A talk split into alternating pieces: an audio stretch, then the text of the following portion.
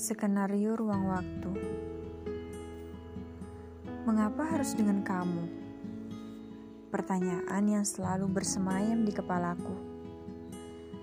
Bahkan selalu saja terngiang-ngiang sejak ratusan hari lalu, tepat setelah aku mengenal namamu dan diam-diam mencari banyak informasi tentangmu.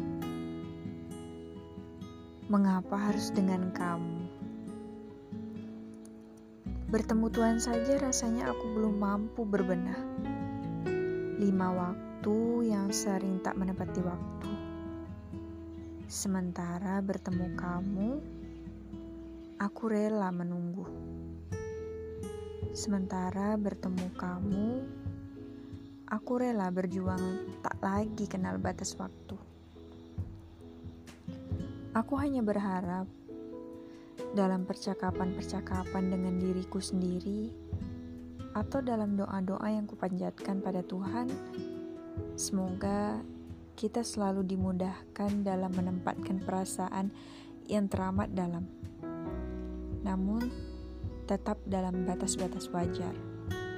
Perasaan ini harus tetap utuh, dijaga, dan menyatu dalam hari-hari kita. Namun, keberadaan kita sebagai manusia harus selalu menempatkan diri sebagai sosok-sosok hamba pada Sang Khalik. Semoga kamu dan aku selalu mengerti itu. Saling mengingatkan ya. thank you